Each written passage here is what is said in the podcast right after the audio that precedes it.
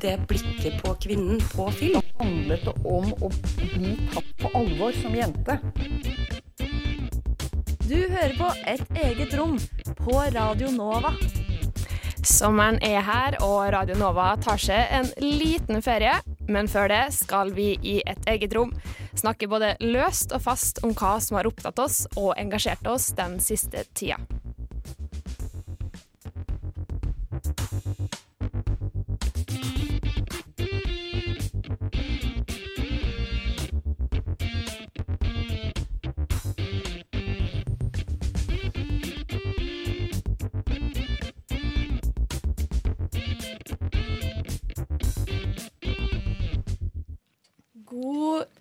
Sommer og god mandag. Du hører på Radio Novas feministiske program, Et eget rom.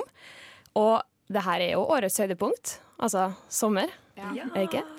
Lett. Ja. Her i studio er vi litt flere enn normalt, som du der ute kanskje hører. Vi er fem damer og én gutt. Eh, Jeg tenker vi må ta en liten navne, navnerunde Jeg heter Synnøve Synnøve Bergmeisingsett. Ja, jeg heter Anne Marie Sundet. Jeg heter Andrea Berg. Jeg heter Anita Kristiansen. Og så er det Linda Therese Rosenberg. Og så har vi vår kjære tekniker Magnus Tune. Og det her er jo en slags sånn sommeravslutning for vår del. da. Det er liksom siste sending før sommeren tar oss. Og ikke minst siste sending før Anne Marie blir tatt av Trondheim. Nei, oh, jeg vil ikke snakke om kan vi ikke spare det til slutten? vi kan ta vanlig sending først. Ja, Dette blir vanskelig hvis vi skal gråte hele veien. Ja. Det skal være litt hyggelig òg, var Ja. liksom planen. da. Ja, det skal være hyggelig. Det blir bittersweet. Ja, Sånn som Game of Thrones. Men jeg tenkte sånn, enhver god avslutning burde jo ha, uansett klokkeslett nå klokka 11 på morgenen, burde jo ha litt i glasset. Altså man burde ha litt i glassene sine. Ja. Så jeg har tatt med da en, en liten flaske. Musikk i mine ører. Ja. Det skulle helst ha vært sånn boblevann av cava eller Prosecco. Eller Jeg hva kan det stå for lyden. Du bare, okay, bare det her er da egentlig egentlig i realiteten bare en vanlig hvitvinsflaske, men hvis du tar poppinga, klar, ferdig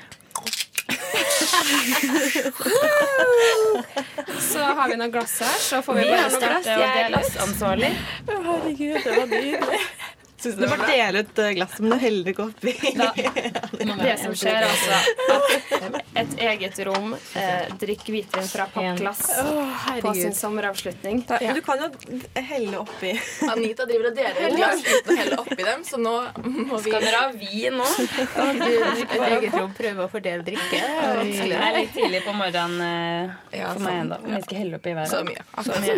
Anne Marie først. Skål vi, for kan, deg. vi kan sende det videre. Ah, ja, ok. Ja, Nei, pass nei. it around. Thank Her you. prøver man å være høflig på en mandagsmorgen, og så bare Oi, Jeg mista veska mi. Ja, det er bare det ikke er flaska.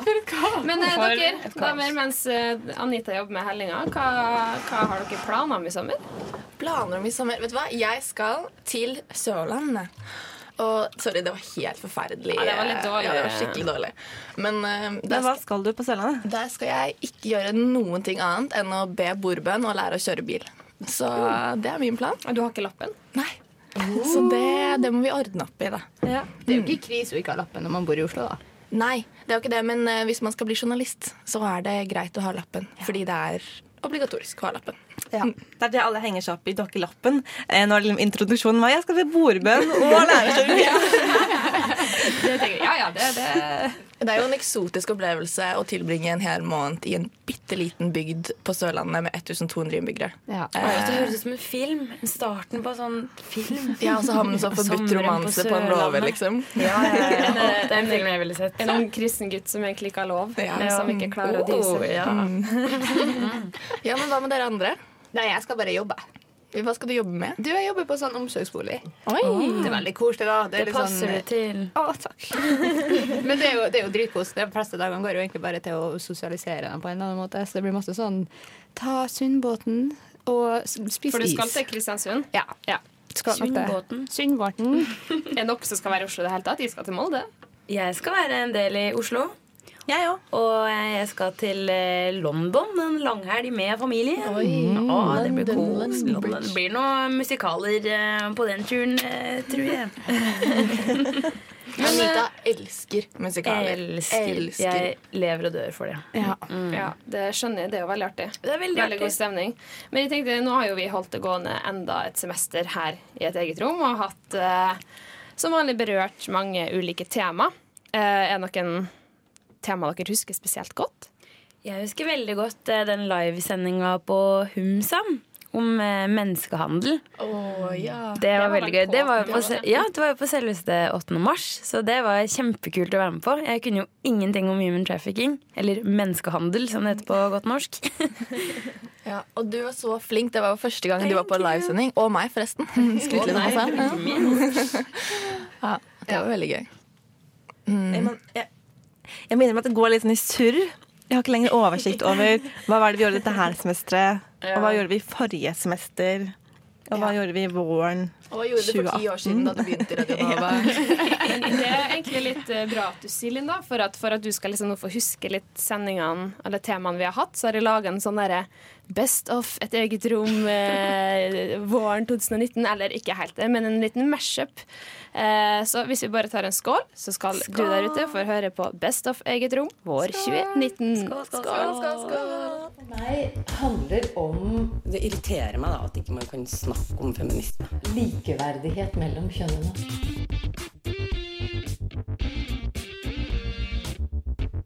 Det blikket på kvinnen på film. Da handlet det om å bli tatt på alvor som jente.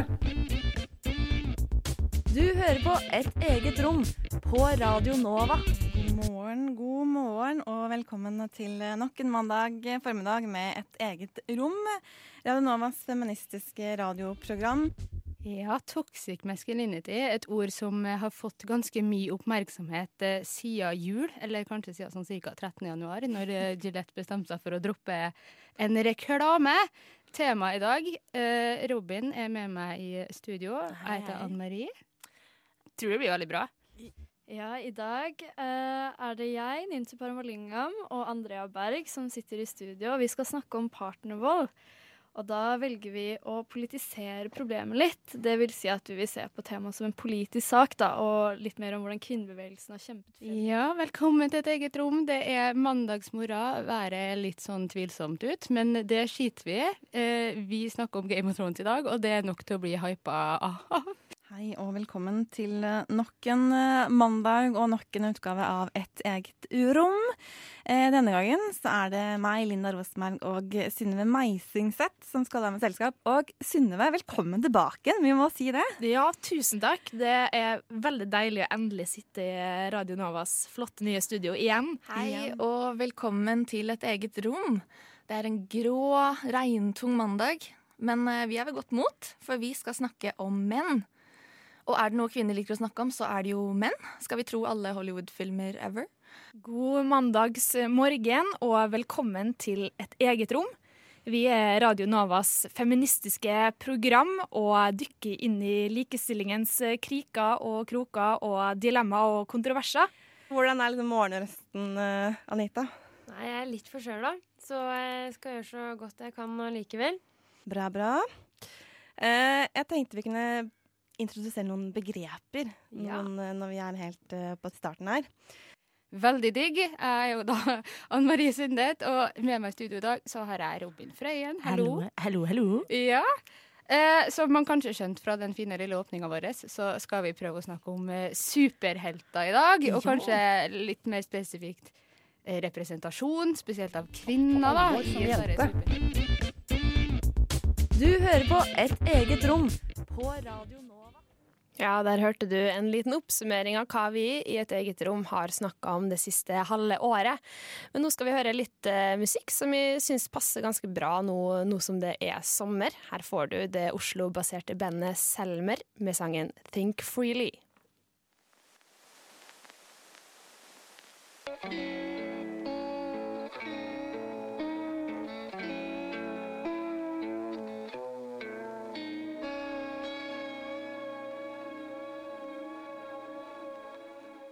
Ja, Der hørte du eh, Oslo-bandet Selmer med sangen Think Freely. Og vi i et eget rom vi sitter i studio og sipper litt uh, hvitvin og prøver så godt vi kan. Eller skal prøve å liksom ta dere gjennom saker som vi bryr oss om, og som kanskje vi har diskutert det siste halve året. Uh, og det som er helt morsomt, er at her er, her er vi jo fem stykk, uh, og alle har liksom tatt med seg en eller flere saker, men ingen veit hva de andre har tatt med. Så det er en liten, en, hva vi kaller en liten feministisk eh, godtepose, kanskje. uh, um, og Linda, har du, jeg tenkte du kunne være første dame ut. Uh, ja, jeg har tatt med en sak. Um, det er jo ikke noe vi har snakket om i det hele tatt uh, noensinne. Eller jo, vi har det. Jeg tror det var påskesendingen vår i fjor. Eh, da snakket vi om religion og litt sånne ting. Og blant annet om kvinner og hår, og hvorfor hår er en sånn stor greie når det gjelder ja, kvinnelighet, og har vært det i årtusener. Eh, og i mars i år så sto det en reportasje i Aftenposten sitt Innsikt-magasin. Eh, fordi i den eh, lille landsbyen eh, Huangluo, eller noe sånt noe, eh, som ligger helt sør i Kina, eh, der er kvinnenes hår hellig. Eh, og dette sto da i Mars-magasinet, fordi at i mars så har de en hårfestival hvor de måte feirer dette kvinne, eller kvinnenes hår. Eh, og i denne landsbyen så er det da yao-folket, som er en av 56 eh, folkegrupper som bor i Kina. Eh, og jenter i denne landsbyen de klipper håret én gang i løpet av livet, og det er på 18-årsdagen. Så før det så må alle jentene gå med håret løst. Eh, og på 18-årsdagen så er det en fest i hele landsbyen. Da tar man på seg folkedraktene sine, og så står alle eh, som har fylt 18 år, da, i en ring rundt 18-årsbarnet, mens moren klipper håret med nakken. Oi. Og så samles dette løse håret i en hestehale som bestemoren skal ta vare på til kvinnen gifter seg. Og da får hun håret sitt tilbake? Det er egentlig mannen som får håret hennes i gave, men da bruker Ja. kvinnen håret i sin måte, håroppsats. Eh, og håret er såpass hellig at hvis du, altså håret som samles på hårbørsten, det kastes ikke, men det altså blir spart på en egen sånn hestehale. Eh, så når man er gift, så har man sitt eget hår som man surrer opp på hodet. Og så har man den løse hestehalen fra 18-årsdagen som man surrer rundt hodet. Pluss den siste som er liksom løshåret fra hårbørsten som man surrer rundt hodet. Eh, Det høres varmt ut. Altså, Jeg klarer ikke helt å begripe hvor mye hår det egentlig er. Jo, men skjønner du hva jeg mener? Sånn, hvor altså, mye det her. hår blir det hvis du ikke klipper det før du er 18 år? Ja, Er det snakk om en, liksom, en folkegruppe som har litt sånn tynn hårvekst, eller Nei, er nei, det nei. liksom Vanlig asiatisk hår. Um, så når de klipper det på 18-årsdagen, så er det sånn omtrent en meter langt, den hestehalen de får. Eh, og så er det jo sånn at uh, på alle mennesker, egentlig, så når håret har hatt, fått en viss lengde, så slutter det å vokse. Jeg ser for meg Rapunzel i to på Ja. rømmen. Gjør dere det òg? Eh, så vanligvis så slutter hårstrå å vokse når det er mellom 40 og 80 cm langt. Men hos disse yao-kvinnene, som er ja, de, er jo, de kan veldig mye om hår, eh, så er gjennomsnittet eh, 170 cm. Altså hvert hårstrå. Eh, så det er ganske stor forskjell, da. Altså, ja. Og man kan ikke ha det i strikk heller? Eller litt av Nei, altså, det her, altså Håret viser øh, sivilstatus og om du har barn eller ikke. Så før du er 18 år, så går det med håret løst. Etter at du har blitt 18 år, så har du sånn sort sjal som du på en måte pakker rundt håret. Selvfølgelig. Eh, når du er gift, så har du ikke sjal, men da setter du opp håret med alle disse løse hårene. Og så har du en sånn spesiell frisyre, en slags sånn knute. Eh, og hvis du har den knuten, da er det symbolet på at du har barn, du er gift og har barn. Men altså, I fare for å si noe som er problematisk i forhold til denne stammen, eh, men eh, jeg blir veldig nysgjerrig på håret på resten av kroppen. Er det, er det, like hellig? reportasjen. Det står ingenting om det i reportasjen. Nei, jeg tror det er hellig om håret på hodet. Eh, og hvis man ser historisk sånn i hele verden, så er det jo håret på hodet som man har, man har hatt, ville kontrollere, eller som har vært seksualisert på kvinnen. Uansett om det var i år, i år eller for 4000 år siden. Men man er jo veldig opptatt av å kontrollere hårvekst på hele kroppen i, i Vesten. da. I dag. Eh, Men det er jo et sånn 1900-tallsfenomen, liksom. Oh. Eh, fordi før det så var det ingen som så at du hadde hår på tissen eller på leggen eller under armen, fordi man viser det jo ikke uansett. Nei, men herregud, altså jeg tenker sånn, Det er jo ganske sykt at det er litt sånn uansett hvor du er hen i livet, så kunne folk se hvordan, ja, hvordan sivilstatus du har, om du Ja. på en måte i hermetegn har lykkes. da. For eksempel hvis du har blitt gift og sånn, bare ut ifra håret ditt. Så det blir jo en sånn form for en måte å utøve sosial kontroll da, og på en måte noe som man kan bli skambelagt for. Altså Hvis du ikke har kommet dit du skal, da. Så, det jo nevnes at I Norge så går vi rundt med gifteringer. da. Ja, ja. Altså, for guds skyld, alle, alle kulturer har sine problemer, men eh, my god, det er jo også et problem, på en måte. God. Jeg ser for meg det kanskje er ganske stigmatiserende hvis du ikke er gift. Da. Så er det sånn, alle ser det, liksom. På håret ditt. Ja, og så har du jo Det er jo null fritt valg her, da. Altså, hvis det er mening at Du, kan, du har jo ikke noe kontroll sjøl over hvordan håret ditt er, eller hvordan utseende eller look du vil ha, på en måte. Det Men- blir jo Men så er vi kanskje også mer opptatt i vår kultur av den type individualisme. da. Sånn Min rett til å ha håret mitt sånn som jeg vil, kanskje det ikke betyr så mye. da. Kanskje det bare er liksom sånn, ja, sånn er det, liksom. Og her er det jo ikke så farlig. Eller i hvert fall i Norge, da, så er det jo flere og flere som velger å ikke gifte seg og bare være samboere, f.eks. Det her er jo en minoritet i Kina. Det er sånn litt mer enn to millioner av dem i hele Kina, som er sånn hva, billioner eller noe. De er kjempemange mennesker. Eh, sånn at det er nok mye sånn den der tradisjonelle liksom, troen, eller der, det samholdet med at vi eh, Det her er landsby med 200 kvinner i, liksom. Eh, I denne landsbyen så er det liksom en del av identiteten å ha langt hår. Jeg tror det er viktigere enn om at det betyr om man er gift eller ikke. Interessant. Og så er det noe man, Man blir jo sosialisert inn i en ting. da. Altså Hvis jeg er vant til at alle kvinner har langt hår aldri på håret sitt, så er det jo det som er normalen. Ja. Sånn som det er normalt for oss at det her høres helt kaos ut. Ja, det høres skikkelig, det høres skikkelig hassle ut. ass. Men de bruker ikke sjampo, balsam eller hårkur. De har liksom bare naturlige produkter. Det er jo litt typisk at uh, sånne trender som blir pålagt kvinner, ofte er litt ubehagelige. Eller sånn fysisk Mm. ubehagelige. Uh, men jeg tenkte at vi må ta et lite avbrekk før vi går videre med litt uh, musikk. Og det er jo ikke så ofte Radio Nova har lista jazz, men eh, nå har vi det. Og her får du det altså jeg vil kalle det et jazzband Juno med sangen They See You.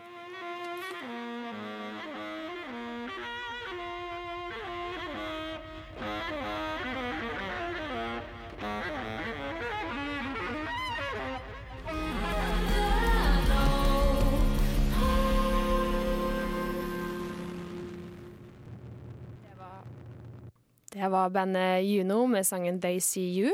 En liten fun fact, så er alle i bandet Juno utdanna fra jazzlinja på NTNU i Trondheim. Så ganske flinke folk. Eh, Vi i et eget rom vi prøver jo som eh, sagt å oppsummere Eller egentlig ikke oppsummere, men kanskje snakke litt om hva vi har eh, engasjert oss i. Ja, det blir jo litt sånn reflektere over Åh, unnskyld.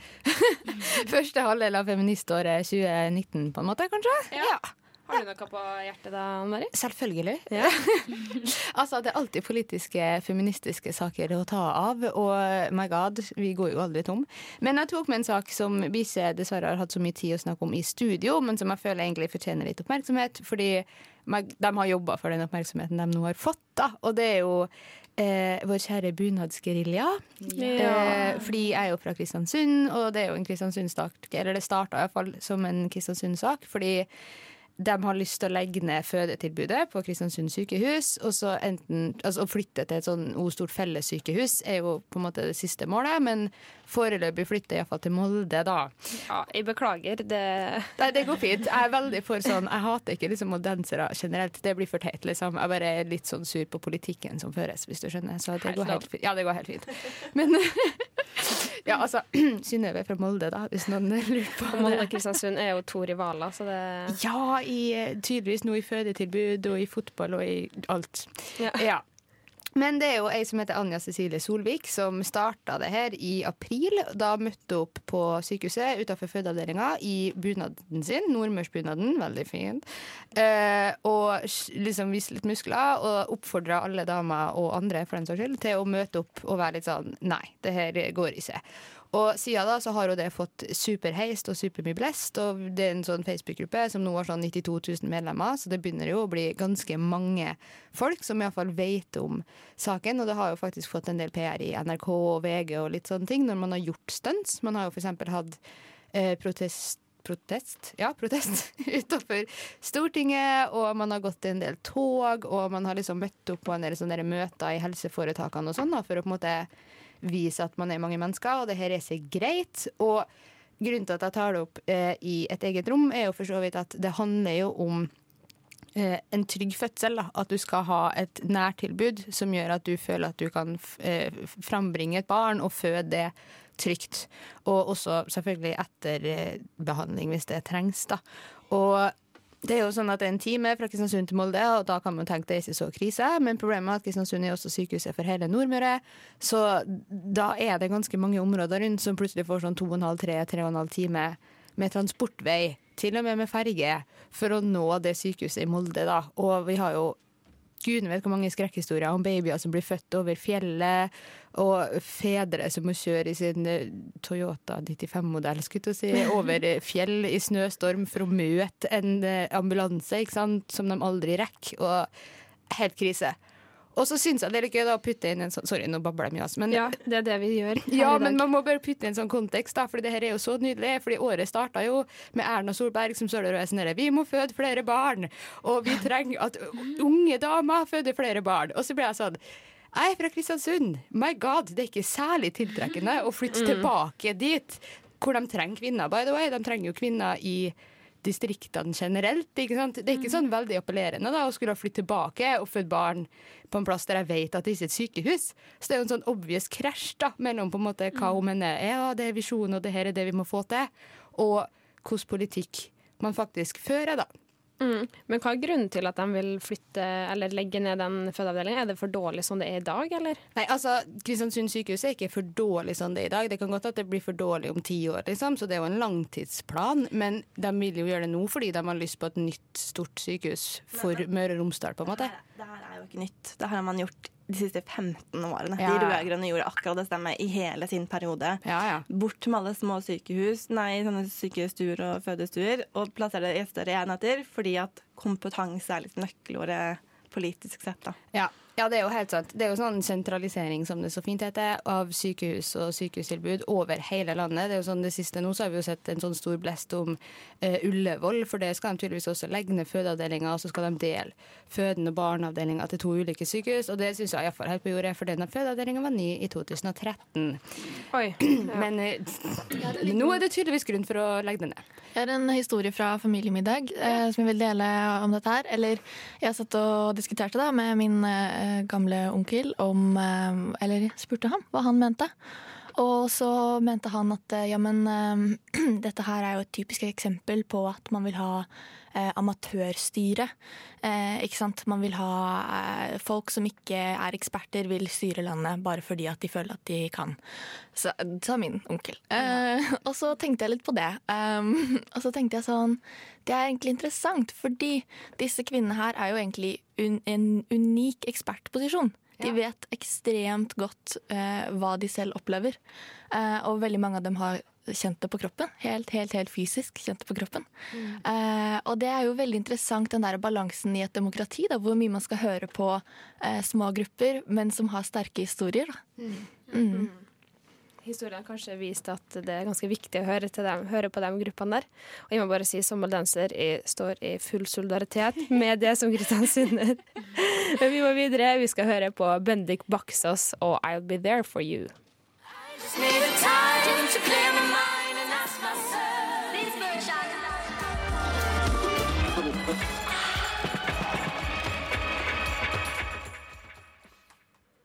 Det var Bendik Baksås, blitt en ganske populær eh, artist, eller DJ, som hadde sangen 'I'll Be There For You'.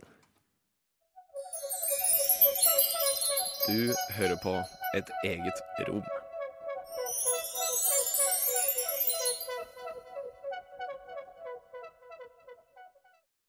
Ja, og vi i et eget rom har sommeravslutning.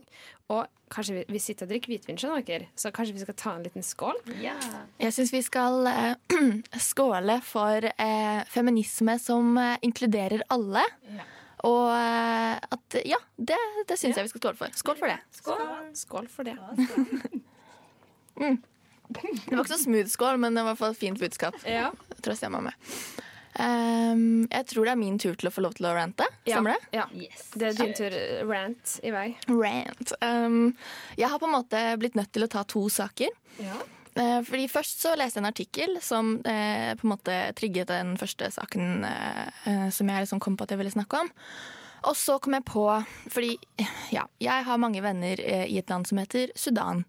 Eh, og akkurat nå for tiden så er de alle veldig, veldig, veldig triste og sinte. Fordi at eh, det er en forferdelig situasjon der. Og er kanskje først og fremst veldig frustrert med at ingen store mediehus snakker om det.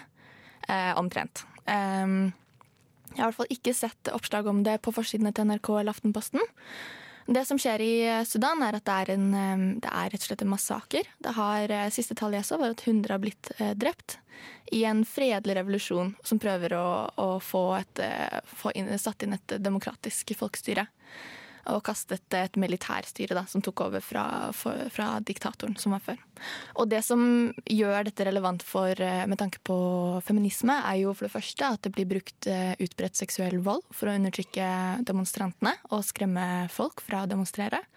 Og også fordi at eh, en slags leder for denne protesten, uformell leder, har vært en kvinne som heter Allah Salah. Uh, og hun har blitt et, et viktig ikon da, i sin hvite kjole som liksom står over folkemengden. Uh, og det har vært en sterk kultur i Sudan for å, å fremheve kvinnelige Og løfte kvinnelige ledere. så bare tenk da denne fredelige protesten. Kvinner har sittet og lagd all maten, samlet folk. Kvinner har vært lederne. og nå, nå, opplever de ekstrem vold som, som resultat av at de ikke ville eh, slutte, da. da ja. Er det nåværende, nåværende regime da, eller som på en måte slår så hardt ned? Mm, det stemmer. Dette her, eh, det, Massakren begynte nå eh, forrige mandag, for akkurat en uke siden. Mm. De kaller den for The Monday Massacre. Ja.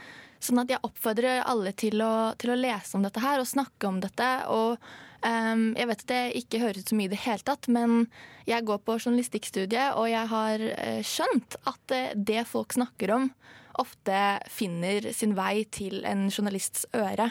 Og det er sånn saker blir lagd. Mm. Så snakk om dette her, og les om det, er min oppfordring.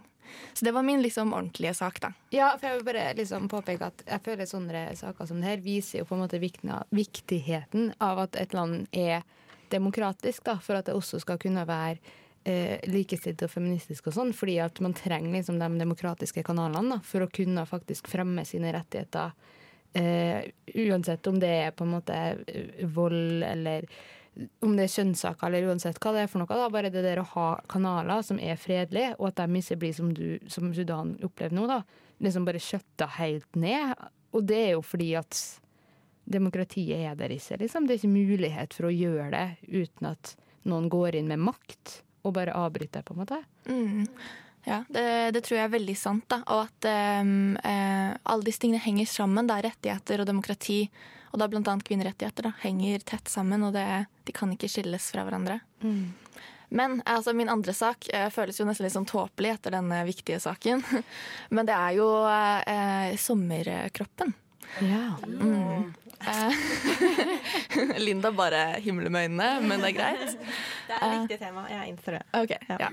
Uh, og det er Ja, det, er jo, det har jo også vært uh, verdens anoreksidag uh, forrige uke. Forrige uke. Ja.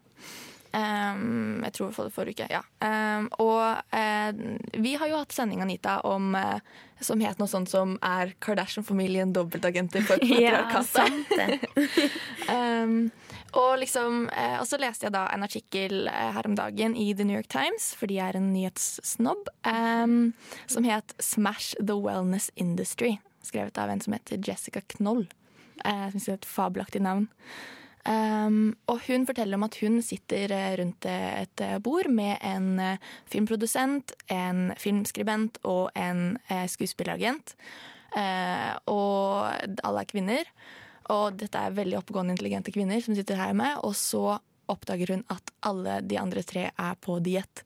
Og så stiller hun spørsmålet hvorfor er det så mange utrolig smarte, oppgående, flinke, fantastiske kvinner som sitter og teller kalorier? Mm. Det skulle man jo virkelig tro at vi var forbi. Um, og jeg syns at det, eh, det, var veldig spennende å tenke på. Fordi eh, det er jo noe vi alle opplever i vår hverdag. At vi tenker på kropp veldig mye. Snakker veldig mye om kropp. Og grunnen til at vi bruker ordet wellness, er fordi at den nye liksom, eh, kropptrenden er jo å kamuflere veldig, veldig usunne dietter som wellness. At du tar vare på kroppen din. Det handler om at du det er detox, det er trening, der du skal bare få glød i huden. Litt sånn indre ro, gjerne. Bruke den for å liksom kamuflere det, ja. Ja, mm, nettopp. Uh, og, uh, og da liksom Og så stiller hun seg spørsmålet sånn Hvorfor lar vi oss lure gang på gang? Og jeg tror at grunnen til at vi har latt, latt oss lure denne gangen, da, og det er litt uh, det hun sier også, er at um, det er noe um, med når man kan presentere det som en motreaksjon til den forrige bølgen. Ikke sant? Her sier man jo, men nå har vi, vi har vært på usunne dietter så lenge, vi har slanket oss så lenge, det er ikke greit. Nå skal vi ta vare på oss selv. Her er hvordan du tar vare på deg selv. Det Ikke sant? ligner faktisk veldig på, for jeg var hos ei venninne i går. Eh, Vi var seks jenter, og så spiste vi taco, og så hadde hun, hun som hosta, baka kanelboller. Og så satte hun dem fram på bordet og litt sånn potetgull og sånn. Og så, så merka vi liksom at alle tok liksom en kanelbolle, delte den i to. Og så tok vi en halv hver, og så var vi sånn Vi bare starter med en halv ned. Og jeg kommer kanskje til å ta mer etterpå. Altså, alle var som måtte unnskylde at jeg tar en halv en til. Ja, jeg er helt gæren. Jeg tar en halv kanelbolle til. Og så ble vi sånn Hva er det? Hva, ta så mange boller du vil, liksom. Hvorfor sitter vi her og snakker om hvor mange boller vi tar? Ja. Ja, ja, og jeg tror vi alle har vært på sånne fester hvor liksom folk sender et fat videre og videre og videre. Sånn 'Nei, å, jeg er mett. Jeg har spist en halv salat i dag, så jeg er stappmett'. um, og så- men det som hun Knoll foreslår, da, fordi vi har snakket om Bechtel Bechdel Bechdel? Bechdel-testen. Jeg klarer aldri å si det. Testen før, som er en test på hvor mye kvinner snakker om annet enn menn i film. Så Knoll har foreslått en Knoll-test, eller det er iallfall det jeg kaller den. eh, som er eh, Klarer du å møte dine kvinnelige venner og ikke snakke om kropp? Bare ikke nevn det. Ikke snakke om nå, jeg, 'nå skal jeg være sunn'. Ikke snakke om sånn 'nei, nei, jeg skal ikke slanke meg mer, jeg skal ha et sunt forhold til mat'. 'Å, jeg elsker kroppen min'. Nei, ikke sånn engang. Bare ikke kropp. Ingenting. Ikke kropp. For det blir jo en veldig sånn farlig bølge, føler jeg. da sånn, Hvis jeg er på en jentekveld og vi har kanelboller, og så er alle sånn 'Å nei, jeg tar en, eh, en halv'. Og da er det sånn Jeg som kanskje har lyst på tre. Jeg vil jo ikke ta tre, da tar jeg en halv. Så det blir en sånn Det er en veldig sånn ganske farlig sånn dominoeffekt, da. Ja, og så, ikke sant, så kommer man selv med body positivity og sier sånn Ja, men jeg elsker I love my curves, eller bla, bla, bla. Det er også snakk om kropp. Mm. Jeg er helt enig, og kanskje vi kan inngå et sånn uh, ish-løftet sånn vi skal prøve i hele sommer å ikke snakke om kropp. Og Det det, er oppfordrer vi også dere der ute til å gjøre. God idé. Nå skal vi høre på ei fantastisk dame som lager utrolig fin musikk. Hun heter Charlotte Dos Santos, og sangen heter Red Clay.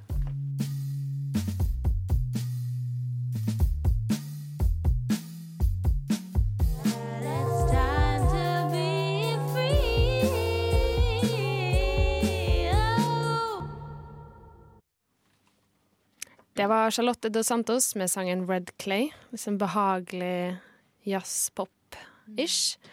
Vi er et eget rom, vi sitter og ranter, vi, rett og slett. Tar oss friheten til å bare komme ut med alt vi, eh, som opptar oss, eller i hvert fall et, en liten eh, del av det. Og har du noe Hva har du tenkt på, Anita? Jo, eh, det her nevnte jeg jo litt i stad, men det var jo den livesendinga på Humsam som jeg gjerne vil eh, prate om igjen. Så dette er da mitt eh, bidrag til denne godteposen. Det er eh, den sendinga vi hadde på eh, 8. mars. Og da snakka jeg og Andrea eh, Eller jeg klarte å stotre fram to spørsmål, eh, tror jeg. jeg var supernervøs, men det var kjempegøy å være med på. Eh, da snakka vi jo med Bjørg Nordli fra Prosenteret og Lisa Veldehanna fra Rosa-prosjektet, som da er eksperter på menneskehandel. Eh, jeg kunne ingenting om menneskehandel. Jeg hadde sett Taken på Netflix, liksom. Det eh, var det eneste den linken jeg hadde til menneskehandel. Og det er vel ikke så eh, riktig bilde, lærte vi jo. Um, og grunnen til at jeg ville snakke om det, er fordi ja, jeg er sikker på at eh, veldig mange andre heller ikke kan noe om menneskehandel. Og eh, jeg følte meg nesten litt sånn dum da jeg satt der, for det er sånn Shit, jeg vet ikke hva som skjer i verden. Jeg vet ikke hva som skjer i Oslo engang, liksom. Så eh, jeg syns det var interessant å lære litt mer om det. Og eh, jeg var egentlig mest nysgjerrig på den prosessen. da Hvordan, hvordan skjer det her, liksom? Eh, menneskehandel fra A til Å. og det starter jo ofte med at, eh, med at det er damer i dritkjipe situasjoner, som gjerne er foreldreløse, fattige, bor på gata, som blir utnytta faktisk oftest av mennesker de stoler på, da. Som er kjempetrist. Og, og de vil jo forbedre situasjonen for seg selv, og de har jo ofte familie, kanskje de har barn og, eh, og sånn, som eh, de vil skal ha det bra, selvfølgelig. Og da kommer man i kontakt. Enten så oppsøker man disse menneskene selv, eller så oppsøker jo disse bakmennene eh, disse damene og tenker at her er det kvinner som er villige til å ta en risiko fordi de er desperate etter et godt liv for seg og familien sin. Eh, ja, så da blir disse jentene valgt da, og får eh, hjelp av disse bakmennene til å komme seg til f.eks. Norge, for det klarer de ofte ikke på egen hånd. Og eh, her har de det jo ikke bra. Rosa-prosjektet, hun Lisa nevnte at de hadde dratt ut Husker ikke hva hun kalte det, for å se da, det her for seg selv. Og da la de merke til at det var eh, biler med utenlandske skilt som drev og sirkulerte rundt disse damene. Så det, er- de er jo fanga, liksom. Og eh, de vil ofte ikke ha hjelp, eller de vil ofte ikke ta imot hjelp hvis de blir oppdaga heller. Og det er jo ikke så veldig rart. Det jeg syns kanskje var noe av det mest interessante som vi lærte under den praten, var jo også hvordan dette her knytter seg opp mot innvandringspolitikken til eh, den nåværende regjeringen. Og hvordan eh, det har eh, gått ut mandat eh, til politiet om at dette her er en topprioritet, å få disse damene ut. Ikke sant? Og det handler jo om hva som ser bra ut ikke sant? for disse partiene, tenker jeg. Mm. Dette er jo min amatørmening, men at det liksom Det ganske Det ser bra ut på CV-en å kunne si at du har fått satt en stopper for eh, trafficking fra utlandet, liksom. Og det blir jo veldig, veldig gåsehudene. Satt en stopper for. Ja, Vi ja. har sendt ut noen stakkars kvinner som på en måte kommer til å Dra til Italia og gjøre det samme. Ja. ja, ja, Det var veldig godt du sa, egentlig. Kan jeg komme med en liten eh, historie? Fordi Ja. I fjor sommer så fant jeg en ganske gammel eh, utgave av et tidsskrift som heter Sammetiden. Uh, hvor det var noen som hadde intervjuet noen jeg vet ikke hvilket land, men noen afrikanske mm, kvinner. Eh, og det, de var fra en liten landsby hvor det var så mye vold. Eh, sånn at det var både tryggere eh, å være i dette regimet i Oslo eh, enn i landsbyen hvor de kom fra. Fordi at bare å gå på do, så ja, risikerte du å bli voldtatt og banket opp, liksom. Og denne dette dilemmaet da, mellom å vil egentlig komme seg ut av dette regimet som de har havnet i, men så vil de jo heller ikke tilbake til der de kommer ifra, for det er jo faktisk farligere for dem. Så hva gjør man da? Man er jo helt fanget i det man har havnet i. Men noe som også er dritskummelt, er at en av måtene disse kvinnene kan få oppholdstillatelse på, er at de vitner mot bakmennene. Men heller ikke da er det jo sikkert at de får eh, oppholdstillatelse. Og da blir det jo livsfarlig for disse kvinnene etterpå. Det er jo skikkelig sånn dobbeltstraff. Mm. Veldig, veldig farlig. Og, ikke sant? Tenk om man har outet en bakmann. bakmann blir, fordi det som er premisset for at de får oppholdstillatelse, er at bakmannen blir tatt. Mm. Ikke sant? For det er det eneste måten politiet kan vite at dette her har vært en sann eh, sann, en sann vitning. Så man må stå frem, vitne, stå i vitneboksen, vise frem ansiktet sitt så man er helt eksponert. Komme med anklager mot en mann som har kjempemye makt. Og så kan det godt hende at han ikke blir dømt. Og hvis han ikke blir dømt, så er du Da får du ikke oppholdstillatelse. Da blir du sendt tilbake til samme landet hvor han plukket deg opp, og hans folk kan bare drepe deg. Ja, og eh, det er en ting jeg har litt lyst eh, Jeg lurte på om vi kunne ta en liten runde. Det her er litt farlig, så det er lov å legge ned veto. Men kunne vi tatt en ja-nei-runde på om vi syns at sexkjøpsloven skal eksistere eller ikke? Oi. Åh, jeg føler det er for komplisert for ja-nei-runde. Kanskje, vi må, kanskje bare vi må begynne med en definisjon på hva sexkjøpsloven er. Ja, har- Superkjapt. Hvis du tar det superkjapt Nei, nei, du. Ikke jeg. okay. Sexkjøpsloven er en lov som ble innført i Norge i Er det ikke ti år siden nå? Ja, kanskje år rundt ti år? siden. En ganske ny lov. Det er ikke så mange land som har den, som innebærer at det er ulovlig å kjøpe sex, men man skal ikke straffes for å selge. Det er en avkriminalisering, da, på en måte. Som eh, Hensikten er vel at man heller skal straffe bakmenn og kjøpere heller enn prostituerte. Eh, Amnesty er jo mot sexkjøpsloven, um, men eh, den er jo her. Er det noen som eh, klarer å kaste ut ja eller nei? Ikke et entydig ja eller nei. Eh, jeg er på en måte litt for fordi at det har noen ringevirkninger. Sånn at man liksom oppdrar folk til å måtte være litt imot at man skal kjøpe andres kropper til sex.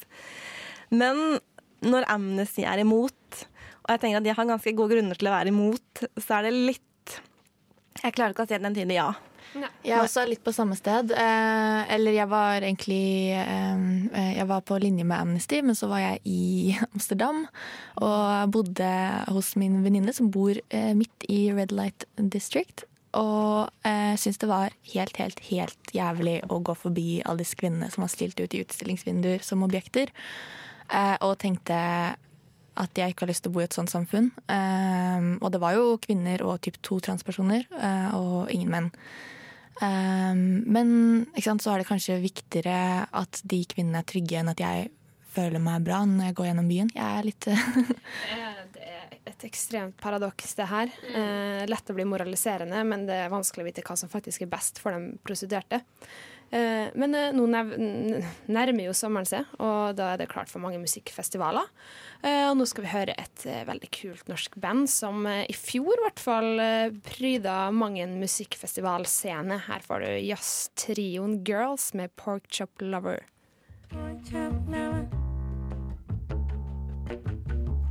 My pork, my pork chop lover, you're my pork chop lover. Pork chop lover, you're my pork chop lover. Der hørte du trioen Girls med Pork Chop Lover, og vi i et eget rom, vi er snart, om bare noen minutter, ferdig for semesteret. Det er litt vemodig, men eh, jeg syns vi har hatt et eh, knakende godt semester, med mange spennende tema. Og nå er det jo pride-måned også. Ja. skal dere delta? Absolutt. Ja. Altså lett, lett, lett. Når er den hoveduka her i Oslo, da? Eh, Det, er, det inkluderer i hvert fall lørdag den 22. Det er eh, ja, det er paraden, så hele den uken egentlig. Altså fra mandagen til og med lørdag 22. juni. Altså lørdag, lørdag 22. er min mors bursdag. Jeg skal i pride. Viktig prioritering. Altså, av erfaring så er det veldig gøy å være med på de arrangementene i uka før. Altså, det er helt sykt mye kule samtaler og paneler og ting. Liksom. Så for guds skyld, bare heng på Pride House, liksom. Det gjorde jeg i fjor. Dritkult. Og hvis du, hvis du der ute tenker jeg har kommet ganske langt, homofile har det ganske bra nå, det er bare én eller to uker siden et lesbisk par ble, altså de ble, fikk innbrudd i huset sitt. Og en ting til. Eh, slutten av mai så ble et lesbisk par banket opp på en buss i London fordi de ikke ville kysse foran menn. Og vi i et eget rom skal selvfølgelig ha Pride-sending, så du må bare følge med.